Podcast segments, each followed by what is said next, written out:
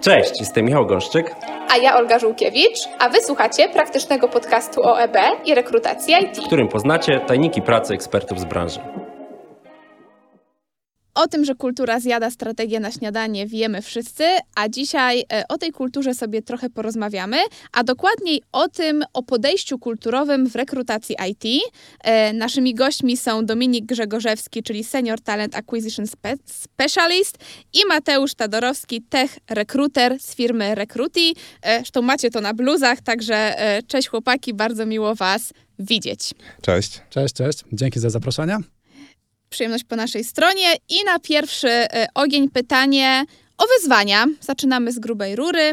Jakie są Waszym zdaniem takie największe wyzwania podczas rekrutacji do firmy produktowej? No bo przecież firmą produktową jesteście. Wiesz co, myślę, że tak, no nie mamy jakichś szczególnych wyzwań, jeśli nawet patrząc na cały rynek IT, bowiem no generalnie rywalizujemy o ten sam talent, co inne firmy. Czyli programiści, projektanci, testerzy, DevOpsi, to jest taki profil e, naszych zespołów, e, jeśli chodzi o tą część techową rekruty. E, no i generalnie bijemy się o podobny talent z firmami i w Polsce, czy z tymi zagranicznymi, no bo pandemia też otworzyła rynek w zasadzie na taki zakres globalny, także jest to przede wszystkim to. Myślę, że też nie mamy jakiejś super rozpoznawalności w firmie i tak mm, myślę, że to visibility Wśród kandydatów? wśród kandydatów, tak, na rynku. E, Myślę, że to jest rzecz, nad którą my pracujemy już powoli i pewnie niedługo będziecie mogli zobaczyć jakieś efekty tej większej prezencji e, w kanałach online, ale to jest ciągle, myślę, jakaś taka słabość, e, no, nad którą my musimy popracować i z kolei bardziej pokazywać super proces rekrutacyjny, jak tylko osoby dołączą do naszego procesu, to wtedy pokazywać, że jest to no, mega dobra rekrutacja, ale ten początek lejka rekrutacyjnego, jaki budujemy, no czasami no, musimy więcej włożyć wysiłku w to, żeby faktycznie gdzieś tam się kandydatom zaznaczyć. Tutaj też trochę nazwa, nie? No bo ja bym stwierdziła, że, że wy możecie mnie rekrutować, jakbym była kandydatem, ale rekrutacja do was, że wy też jesteście pracodawcą, nie? No ale tak jest z firmami produktowymi często, że jak coś jest produktem, no to ludzie, ludzie się czują użytkownikami jako pierwsze, a potem dopiero, że ewentualnie jeszcze tam można, można pracować, więc jakieś tam e, dodatkowe... E... A, a nie jest tak, bo ja na przykład zawsze wszystkim mówię, że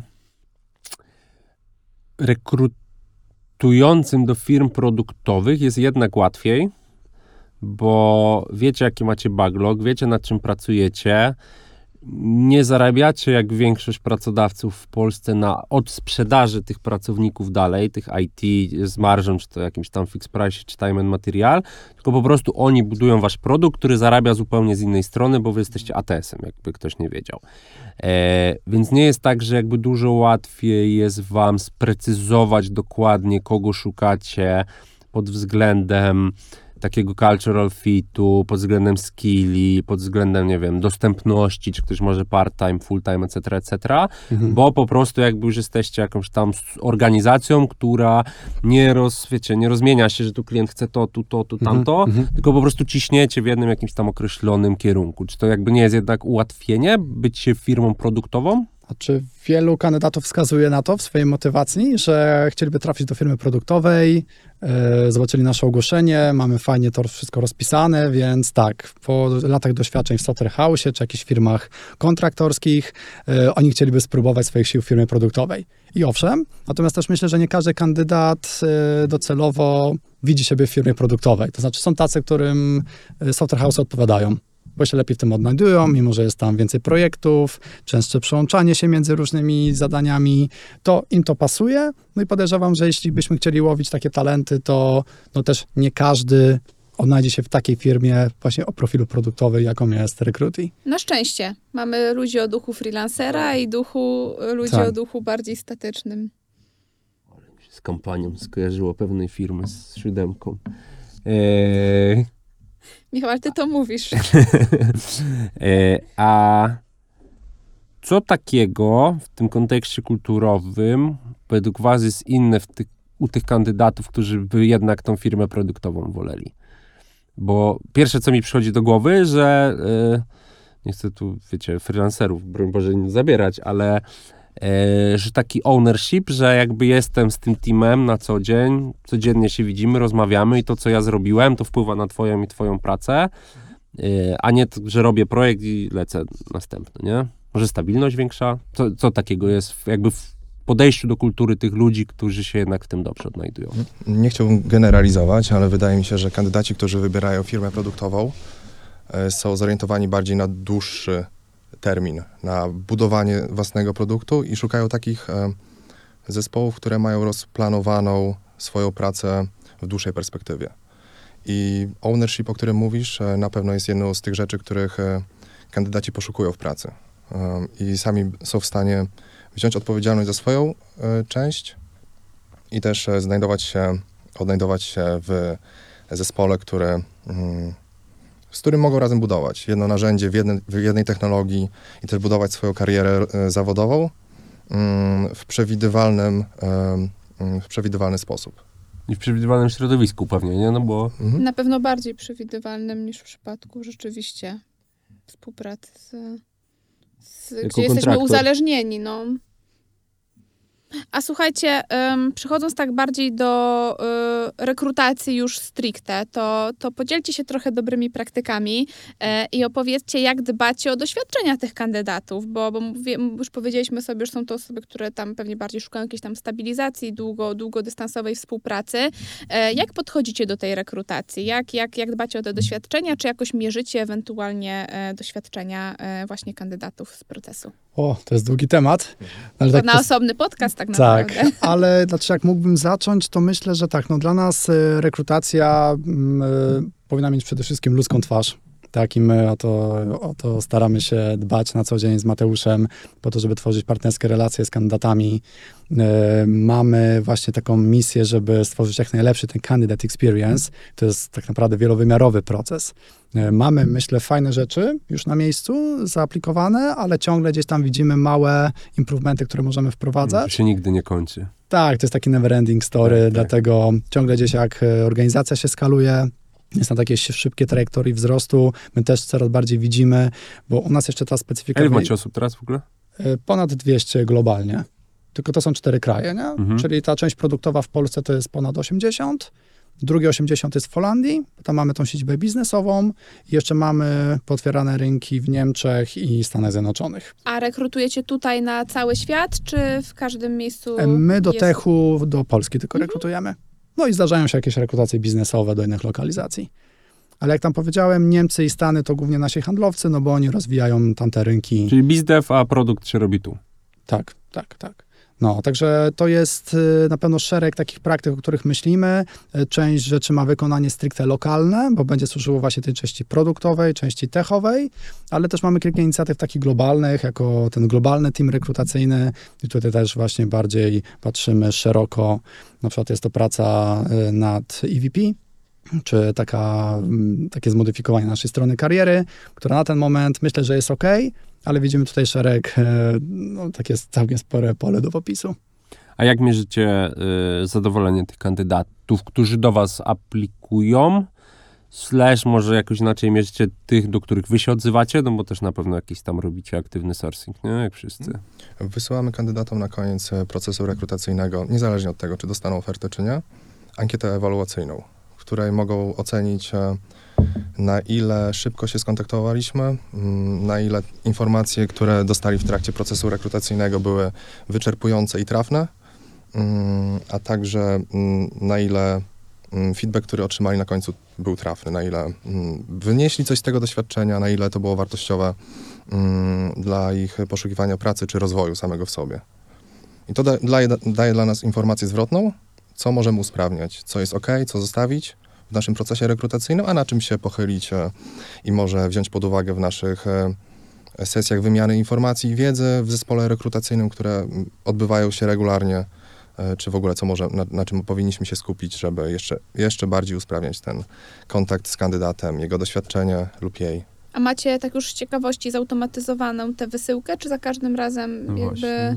Zautomatyzowaną. Mamy to e, w pipeline jako ostatni etap rekrutacji, Okej, więc kandydat dostaje z automatu. super. Chociaż też wiemy, że te ankiety no, nie mają jakiejś super e, wskaźnika odpowiedzi. Wiesz co, podobno lubimy- ty, trik, y, trik y, dobry, który na jakiejś konferencji słyszałem od kogoś, kto w eBayu chyba w Berlinie rekrutował, żeby nie robić tego na koniec, tylko w trakcie albo w randomowych elementach procesu, no bo jednak ludzie na końcu są zbajasowani w jedną albo w drugą stronę mocno, nie? No ale z drugiej strony nie będziesz mieć wtedy doświadczenia z całego procesu. No to pewnie mogłabyś, wiesz, sobie zbierać na różnych stage'ach tego procesu ten feedback i potem go na przykład porównywać, że okej, uważam, że jest super, to wiecie, do środkowego etapu, a potem nie jednak cały proces był do bani, nie? Bo się nie dostałem. Tak, znaczy no, mamy jakąś standaryzację póki co, że niezależnie od tego, co nam może kandydat napisać, czy jest tym wygranym rekrutacji, czy jednak no, może mieć jakieś uwagi, zawsze wysyłamy na koniec taką ankietę. No, myślę, że to nam też daje taki miarodajny odcinek. Zawsze on jest ten sam, czyli taka, taki proces, kiedy kandydat wszedł do procesu i go zakończył. A E, odnośnie zbajasowania, no to też potem w analizie, no można wiedzieć, jakby wiesz, ilu ludzi się dostało, ilu nie, no to nanosisz sobie podczas analizowania ten wskaźnik taki jakościowy, że, że, że, że możesz sobie potem porównać wyniki między tymi, którzy y, się dostali, a którzy nie na przykład, no i, i A jak wygląda ten proces rekrutacji u was? I to jest pierwsze pytanie. No bo jakby wy, wy techowe role macie, nie? No więc wyobrażam sobie, jak powinien wyglądać. E, I czy macie w ramach tego swojego procesu jakieś takie autorskie, e, autorskie sposoby albo coś, co robicie naprawdę super, co, co wpływa faktycznie na to, że tą relację z kandydatem budujecie bardzo dobrze od początku? To, co mi przychodzi do głowy, to kojarzycie tego mema. E, jesteś z HR-u, to powiedz coś po HR-owemu. Na tym etapie nie mogę udzielić takich Tak, informacji. To, to my kompletnie nie trzymamy się takiego podejścia. Mamy przeciwne e, podejście do kandydata, któremu należy się informacja na każdym etapie pełna i wyczerpująca. Dlatego ja, jak mam jakąś informację na temat czegokolwiek, wynagrodzenia, wiadomo, wynagrodzenie jest w ogłoszeniu, ale Wiadomo, nie wiadomo. no, w, Różnie bywa w na naszym, rynku. W naszym wypadku jest to standard. Mhm. Ale jak coś wiem o zespole, o firmie, o planach, coś, co mogę ujawnić, e, a właściwie czego mogę nie ujawnić, no to mówię to kandydatowi. Znaczy bardzo dużo informacji przekazujemy już na pierwszym e, screeningu. No a, jak- a jak wygląda jakby proces Znaczy, cały? Pierwszy etap to HR interview, potem jest spotkanie techniczne. Na końcu robimy takie finałowe interview z tak zwanym product trio jednego z zespołów projektowych, gdzie widzimy kandydata, że mógłby tam fajnie pasować. E, Product trio to jest jakby taki ostateczny check, czy osobom z danego zespołu będzie się dobrze pracować, czyli na pewno jakieś sprawdzenie tego culture fitu, zadanie dodatkowych pytań, pokazanie trochę więcej z roadmapy tego zespołu, nad czym będzie pracował e, w naszym produkcie, E, i to jest takie jakby ekipa, Product Trio, jak sama nazwa brzmi, e, taka, takie grono trzech osób facylitujące pracę danego zespołu, czyli jest tam design lead, technical lead i project manager. To są też osoby, które właśnie drive'ują cały projekt, ale też na pewno chcą mieć e, coś do powiedzenia e, właśnie w tej finałowej fazie i myślę, że to też jest super sprawa dla kandydata, żeby się spotkać z takimi osobami, z którymi docelowo będzie pracował, bo już wie, do jakiego projektu trafi, może poznać tych ludzi, no i też im zadać na koniec pytania, które też pozwolą mu się utwierdzić, że no, recruity to jest dobre miejsce. Czyli w zasadzie macie trzy fazy, tak? Wy jesteście pierwsi, Mhm. potem jest jakby konkretny check skilli, e, czyli w formie zadania i potem już jakby krótka piłka, spotykam się z moimi przysz przyszłymi osobami, z którymi będę pracować Tak, to jest taki etap. i się pa patrzymy na siebie wzajemnie, czy Tak, jakby... poznaj czy swoich okej. kolegów. To jest Tak. taki etap, można powiedzieć kolokwialnie. który wbrew pozorom jest turboistotny. Ja mam wrażenie, że im wyższe seniority, im dłużej ktoś pracuje, tym bardziej są dla tych ludzi e, te etapy e, poznaj swój zespół ważne. Mhm. Bo, No bo no. junior, no to tam stawka, żeby się zgadzała, tam projekt potem, a, a im dłużej pracujemy, tym, tym to, z kim pracujemy jest, jest ważne, czy to rezonuje, czy, czy nie. Mhm. Ale nawet ten skład tego tria, jak wymieniałeś, to jakby pokazuje, że i tak chyba, że jakby tą strukturę macie już dość zaawansowaną, nie? W sensie, Tak, że... tak, już pracujemy w taki sposób y, pewien czas, także bardzo no, dobrze nam się to sprawdza. Mamy też jakieś learningi z tego, ale jest myślę bardzo, bardzo fajnie w naszym takim setupie produktowym. Y, My też mamy pełną kontrolę wtedy nad rozwojem produktu. Nikt politycznie nam też nie, wiecie, nie wtrąca się do tego, jak ma być rozwijany. I te Product Trio też sprawują taki ownership na poszczególnych odcinkach projektowych, no bo samo Recruity jest potężną aplikacją. Tak, nie dałoby się skupić jednego zespołu na wszystkich feature'ach. Są poszczególne odcinki developmentu, czy pewne obszary w naszej aplikacji i tam mamy właśnie takie interdyscyplinarne zespoły, które właśnie ogarniają to wszystko. Tak sobie myślę, że musi to wam się sprawdzać, bo e, powiedzmy sobie taki standardowy proces, no to przychodzi jedna osoba techniczna, u was trzy, czyli mnożę sobie e, stawkę Czas. godzinową razy trzy, więc musi się wam spinać to pod kątem jakościowej rekrutacji, że rzeczywiście e, takie, takie podejście e, stosujecie. To też jest fajne to spotkanie z Product Trio, no bo czy PM, czy naczelny designer, czy naczelna osoba techniczna, czyli programista backend lub frontend, w zależności od specyfiki zespołu, no każdy ma swoją perspektywę i one rzeczy będzie chciał zapytać. Ale A to na przykład z tym trio się spotykam Hmm. niezależnie właśnie, czy którą ścieżką idę, czy jestem devem, backendowym, frontendowym, czy może bardziej w kierunku właśnie designerskim, czy PM-skim, czy Jeśli- testerem jestem, tak? Jestem testerem, to też się z całą trójką No, spotykam. jeśli chodzi o zespoły takie w core developmentie, to faktycznie to głównie to tak wygląda, ale mamy też takie zespoły na przykład do teamów, które są bardziej jakby oddalone od tego głównego kodu. To są takie zespoły satelickie, bym powiedział. Pracują nad dodatkowymi featureami, poza właśnie rozwijaniem typowo recruiting. No i tam mamy czasami, no możemy skrócić ten proces, na przykład do dwóch spotkań. Albo jak rekrutujemy na DevOps, to jest w zasadzie też tylko w sumie dwa spotkania, y, to HR-owe, techniczne, jesteśmy gotowi złożyć ofertę. Okay. A wiecie, jak szybko trwa proces u was? E, Wiesz co, nie liczymy tego jakoś mocno, natomiast czasami jest to, mamy rekordy w postaci, nie wiem, 7-8 dni, do takich, co no, mogą przedłużyć się do 30. Natomiast y, też chciałbym zwrócić uwagę, my rekrutujemy permanentnie do takich działów jak product design, y, frontend, backend, y, QA, także no, możemy to mierzyć, ale dla nas to jest permanentna rekrutacja, bo no, tak, tak szybko się rozwijamy. No ale to chyba też jest yy, magia albo plus yy, bycia firmą produktową, nie? Że jakby ciągle, jakby ten produkt się ciągle rozwija, więc ciągle macie te potrzeby, ciągle wiecie, kogo szukacie, a jakby nie jesteście też uzależnieni Łatwiej od... wam szacować potrzeby na przyszłość. Ale w sensie, jak się tra- trafi ktoś super, to jesteś w stanie go wziąć, bo jakby nie martwisz się tą ławką, no bo jakby tego zawsze jest coś do zrobienia, nie? Praca się znajdzie na pewno. No właśnie o to chodzi, że to jest jakby, ja dlatego zawsze mówię, że firmy produktowe lepiej rekrutują szybciej, bo, bo zawsze ta praca się znajdzie, jak no trochę inna pasuje, perspektywa. no zupełnie inna, nie, że, e, że oni po prostu zarabiają na tym, że ten produkt działa i że klienci są zadowoleni, nie? Tak, my też nawet w trakcie tych pierwszych spotkań, e, tych HR screeningów, no, dostajemy tyle pytań od kandydatów, jesteśmy maksymalnie transparentni. W zasadzie takim najczęstszym pytaniem, które się pojawia, No, to już dotyczy formalności, jest to, może taka rzecz na czasie, tak, przy obciąże- wzroście tych obciążeń podatkowych i tym, że tak naprawdę na rynku mamy mnogość zapisów, jeśli chodzi o kontrakty B2B, to właśnie pytają nas zawsze kandydaci, tam jest to jest 90% rozmów, jak wygląda wasz kontrakt B2B.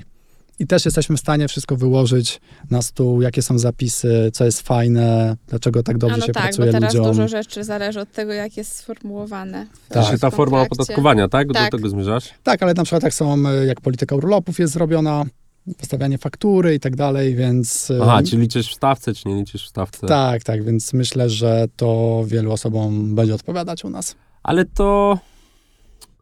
No ja jestem na B2B ostatnio chyba od 2014 roku nawet sprawdziłem. E, To takie naturalne się wydaje pytanie, nie? W sensie, wiesz, jak wygląda umowa na B2B, jak sobie planuję, czy będę na stawce 15%, czy 12, czy 8,5%.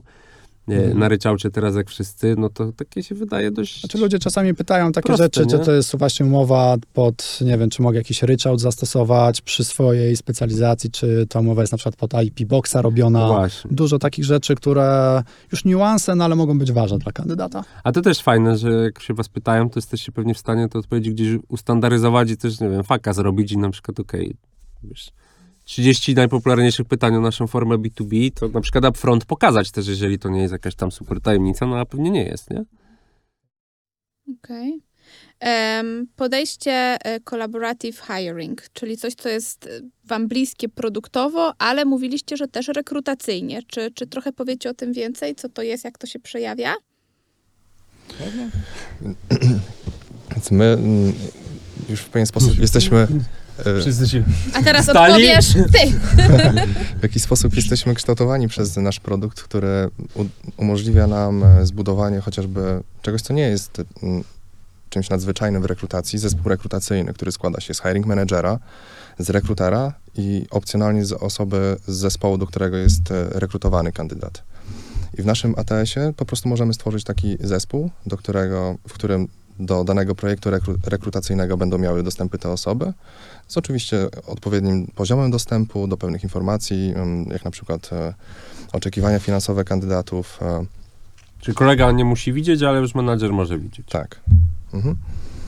Mm, Do tego, mm, już zaczynając od samego początku, to też nie jest nic nowego w rekrutacji. Zaczynamy od intake meetingu, albo od kick-offu, albo od briefingu, w którym ustalamy, kogo szukamy. I to jest początek rekrutacji, którą później będziemy, to, będziemy toczyli e, w komunikacji na Slacku i, na, e, i w Recruity jako ATS-ie. Mm, No i już sam, samo Recruity jako ATS pozwala nam komunikować się z zespołem, dawać ewaluacje dla kandydatów, e, zachęcać hiring managerów do e, napisania ewaluacji, przypisywania zadań, w których możemy przypisać daną osobę. Słuchaj, potrzebuję twojej porady. Co uważasz o tym profilu kandydata? Czyli ogólnie to jakby, y, to, to co mówisz, to, że próbujecie wciągnąć team, albo wciągacie jako produkt y, do procesu rekrutacyjnego team, który jakby i tak jakby biznesowo, życiowo jest w to zaangażowany, a nie zostawiacie po prostu jakiegoś tam jednego HR-owca, który, czy tam rekrutera, który odpowiada za ten proces i sobie tam reszta żyje swoim życiem, tak? Tak, mogę nawet powiedzieć, że u nas hiring manager i członek e, zespołu, do którego jest rekrutowany e, kandydat, jest tak samo zaangażowany jak rekruter, albo może być tak samo zaangażowany. To nie jest tak jak... mm, To ma w sumie duży sens, nie? Bo to jakby ich zespół. Prawda? Mm, A niektóre ATS-y nie za bardzo to umożliwiają. e, Cała komunikacja się odbywa gdzieś na mailach, e, jakieś rekomendacje kandydatów i tylko część informacji znajduje się na temat kandydata. A u nas jest to w jednym miejscu, albo jak potrzebujemy mm, skonsultować dane, daną kandydaturę przed złożeniem oferty, to wszyscy mamy w jednym miejscu to samo i możemy w, dwóch kliknięciach wejść na profil kandydata, żeby jeszcze przedyskutować, co, co o nim myślimy, co widzieliśmy na poszczególnych etapach rekrutacji, żeby Czyli jakby wa, wasz produkt promuje taką kulturę właśnie kolaboracji i, i współpracy przy tym. tak. To pytanie, jakby jak to się przekłada teraz na, na wasz proces i Właśnie to, jak, jak wy zapytać, czy wy rekrutujecie do siebie. korzystacie z tych funkcji? Tak, No właśnie. Oczywiście. To tak oczywiście. życie. Znaczy, jakbyśmy chcieli, to moglibyśmy tak naprawdę całą komunikację prowadzić wewnątrz Recruity. Bo oczywiście mamy dedykowane kanały slackowe, czy czasami pewne rzeczy trzeba na privie z menedżerem się spisać, ale moglibyśmy całą komunikację trzymać w Recruity, przez to, że całość, e, te wszystkie feature'y, które umożliwiają taką asynchroniczną komunikację, one tam są.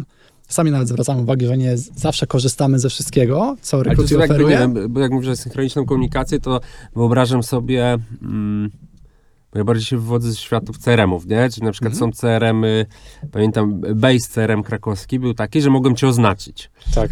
I to było super, nie? Y, My teraz korzystamy z Pipedrive'a i tego nie ma i mnie strasznie Mhm. to boli. Nie, słuchaj, e, oznaczanie ludzi, czyli notyfikacje, przypisywanie tasków z deadline'em do zrobienia, No właśnie. nawet notatkę zaznaczyć jako publiczną albo jak taką z ograniczonym visibility, co zobaczy tego hiring manager. Kiedybyśmy chcieli się spisać z hiring managerem w Recruity, jaką, e, jaką ofertę złożyć e, Możesz prywatną notatkę. to mogę zrobić ograniczenie visibility tylko do mojej wiadomości i hiring managera. I członek powiadomi- zespołu nie zobaczy tego. Powiadomienia wtedy przychodzą na maila? Mailowo, tak, albo do mobilki naszej, bo też mamy taką, także to już możesz sobie bardzo skustomizować te notyfikacje, jak się pojawiają. Okej, czy- no okej, czyli w zasadzie to no tak jak z CRM-em, nie? Czyli dobrze prowadzony taki proces sprawia, że jakby wszystko jest w jednym miejscu i, i wszyscy wiedzą Tak. wszystko. Ja też jestem fanem trakowania wszystkich tych rzeczy, bo nawet jeśli nam się nie uda e, dopiąć e, kontraktu z kandydatem, wiecie, teraz, to za pół roku będziemy mieli jakieś informacje czy pewną historię naszych ewaluacji, będzie można pociągnąć tematy. No dobra, a no bo jest, są różne ATS-y, różne zespoły rekrutacyjne. Część ATS-ów ma zbliżone funkcje, czyli teoretycznie można tam coś zrobić, a jednak zespół tego nie robi. Wy mówicie, że wy rzeczywiście używacie tych, tych funkcji. Czy to jest dlatego, że wy pracujecie w tym zespole, czy po prostu jakoś coś, coś zrobiliście, że zespół zaczął używać tego, a nie robi bokiem W mailowo sensie produkt produktem, ale cały Mhm. czas musicie te osoby techniczne w ten proces wciągnąć. Tak, nie? ale w ogóle tak, też rekruterów tego, jako produkt, dokładnie. nie? Nie, jak najbardziej. No może być tak, że najciemniej po latarnią, prawda? Właśnie. Więc ludzie by z tego nie korzystali, ale faktycznie naszą e, rolą też jest edukacja hiring managerów. Nie tylko e, na temat tego, jak wygląda proces w recruiting, ale żeby jednak zachęcać ich, aby A korzystać jak to z tych robicie? No bo feature'ów. ja myślę, że nie wszyscy wasi hiring managerowie jest dla nich naturalne korzystanie z, z softu, tylko, tylko pewnie próbują tam, Maila wysłać. Czy, a ten jest dobry, a ten... no, jak przychodziłem do recruiting ponad dwa lata temu, myślę, że było z tym gorzej, a teraz w zasadzie jest defaultu. Traktujemy to, że każdy ma zrobiony dostęp odpowiedni, przypisany jest do pipeline'u i tam jest też nasze miejsce spotkań. Właśnie w recruiting, nie? gdzie możemy zostawić notatki, wymienić się jakimiś obserwacjami na temat kandydata. Czyli tak trochę jakby zmuszacie, bo tam oni znajdą informacje. Czyli jak chcą... Tak, no wręcz promujemy. proces ich może do tego zmusza po prostu. No nie? właśnie, chcę, chcę się zapytać, żeby nasi słuchacze wiedzieli, jak jakby zacząć korzystać A to z też jest w sumie sprytne, że tak jakby setupujesz, wybiera, no bo jakby wybór ATS-u dla naszego przeciętnego słuchacza to jest jakby ogromna decyzja, nie? Tak szczerze, no bo znaczy pewnie głównie ze względu na to, że z poprzedniego trzeba dane zabrać i to jest zawsze upierdliwe, nie? Tak. Dla wszystkich. Pewnie nie przez przypadek. Ale tak zasetapowany proces, że musisz tam zajrzeć, żebyś jako hiring manager, że musisz zajrzeć mi do ATS-u, żeby się dowiedzieć czegoś, to na pewno w jakiś sposób wymusza tą kolaborację. Czy ja sobie już teraz wyobrażam, żeby komunikacja była prowadzona poza naszym ATS-em na temat kandydatów, żeby gdzieś tam nam jakieś rzeczy uciekały na mailach, czy w jakichś wiadomościach na Slacku. A jaki to jest skala, ile prowadzicie rekrutacji? Bo to też pewnie jest trochę mm, jakby dobór narzędzia lub tych metod. No bo to, co ty mówisz, to jakby pewnie bez praktyk wszędzie, że ci żaden kandydat przez palce nie przecieka, nie? No ale pewnie trochę inaczej do tego podchodzą firmy, które rekrutują. Pytasz, ile projektów mamy, tak? Tak, ile rekrutacji równolegle to jest prowadzicie? około 10 projektów na osobę. A osób jest? Y, W sensie to jest nasza dwójka, jeśli chodzi Okej, o Czyli macie techniczną 20 rekrutację. tak? No, coś takiego. Znaczy 10 jest nawet, myślę, w takich e, maksymalnych okresach. Czasami jak dobieramy sobie jakieś stanowisko takie biznesowe, żeby rekrutować na przykład e, w Holandii, to się robi tego więcej, ale no to też jest fajne w firmie produktowej, że nie pracujesz nad tymi 20 requisitions, jak to wiem, rekruterzy w różnych modelach RPO czy w agencjach, tylko masz maksymalnie te 10 projektów i e, tutaj też można bardziej takie jakościowe podejście zastosować. Mhm. E, jeszcze wracając do takiego angażowania wielu osób w proces rekrutacyjny, no bo brzmi to super i Czyli idealnie. Brzmi to E, tak, jak to powinno wyglądać. Tak, brzmi to dokładnie tak. A teraz pytanie, e, czy rzeczywiście e, to jest tak, tak, tak fajne, jak się wydaje, czy, czy zauważyliście, e, że są tego jakieś minusy, czy pojawiają się jakieś problemy w związku z tym, nie wiem, na tle komunikacyjnym, właśnie czasowym, jakościowym, potem z feedbackiem może jest jakiś problem, jak jest tyle osób zaangażowanych. Hmm? Mogę ja znowu? Albo ewentualnie uzupełnisz. Znaczy, dla mnie na pewno jest to większy wysiłek nasz na początku rekrutacji, żeby jednak pamiętać o tym, czy wszystkie osoby na pewno wiedzą, jak proces wygląda, czy miały onboarding dobry w aplikacji, wiedzą, jak korzystać z jej feature'ów, czy wszystko im się dobrze wyświetla, czy mają dostęp do rekrutii. Więc jest to jakiś na pewno Czyli jesteś effort. ambasadorem waszego tula wewnątrz organizacji. Tak, Tak Wśród można userów. powiedzieć. Tak, tak. Więc y, jest to jakiś effort z naszej strony, ale potem widzimy, że faktycznie no, zespoły się synkują w zasadzie w jednym miejscu. Mamy też taką rutynę przyjętą, że nawet nie mamy jakichś takich checkpointów w ramach rekrutacji, bo wiem, że rekruterzy różne rzeczy stosują. Są jakieś weekly, niektórzy nawet słyszałem, że daily robią w ramach trakowania postępów. Natomiast my raczej nie, nie robimy spotkań tylko dla samego celu spotkań, tylko raczej takie checkpointy są rzadsze, a jeśli jest jakiś case, który trzeba szybko gdzieś tam, wiecie, ogarnąć, to potrafimy szybko działać. To jest właśnie ta, też ta wartość, że działamy w takiej komunikacji tylko wtedy, Czyli kiedy jest jest, potrzebne. Nazywam to continuous communication, a nie jakby takie, że to się po prostu dzieje jako proces. Tak. I jak jesteśmy wszyscy i to czytamy i wiemy, jak z tego korzystać i mamy dostęp, no to po prostu nie musimy nawet robić tych daily, weekly, bo po prostu wie, wiemy, co jest gdzie, tak, w której rekrutacji. Tak. A jakieś problemy, poza tym, że musicie, mm, no, że musicie wdrożyć tych userów i faktycznie zadbać o to, żeby ten dostęp był, etc., etc., to czy jakieś problemy faktycznie widzicie z tym podejściem? Czy nie byłoby na przykład łatwiej, że ty sobie wchodzisz, no dobra, ja dopnę tego frontendowca i nie będziesz tam z- z jednym albo z drugim komunikował, tylko po prostu mam fajnego kandydata, wiem jaki mam proces, więc go sobie dopnę i nie muszę z nikim rozmawiać. Nie było czasem łatwiej zrobić to na przykład samemu? Trudno mi sobie to wyobrazić, e, szczególnie, że ja mogę przeprowadzić, ja przeprowadzam pierwszy e, etap screeningu Natomiast kolejny etap to już jest spotkanie z hiring managerem, który jest częścią tego zespołu rekrutacyjnego. Więc tak czy inaczej, e, kandydat będzie rozmawiał z osobami, które mają dostęp do tych informacji. Omijanie jakby nie ma racji bytu. No ma też, nie? że jakby proces jest zasetapowany pod tego hiring managera, więc w sumie dość, dość chyba naturalne, że on jest częścią tego procesu, nie? A czy też nie zauważyliśmy jakichś problemów z zaangażowaniem ludzi, bo my no, żyjemy tą kulturą rekrutacyjną. Mamy produkt, w który mocno wierzymy, on się, wiecie, świetnie sprzedaje, ma dobrą rozpoznawalność na świecie i też jeśli no, trzymasz, to jest jakby twój taki rdzeń firmy, produkt rekrutacyjny, to automatycznie też myślę mindset jest inny, że od razu wierzysz w rzeczy, jakie robisz, no i dlaczego... standard masz, nie? Tak, tak. I myślę, że też stawiamy sobie poprzeczkę na tyle wysoko, żeby mieć no, naprawdę wysokie standardy rekrutowania, jeśli chodzi o taki talent techowy.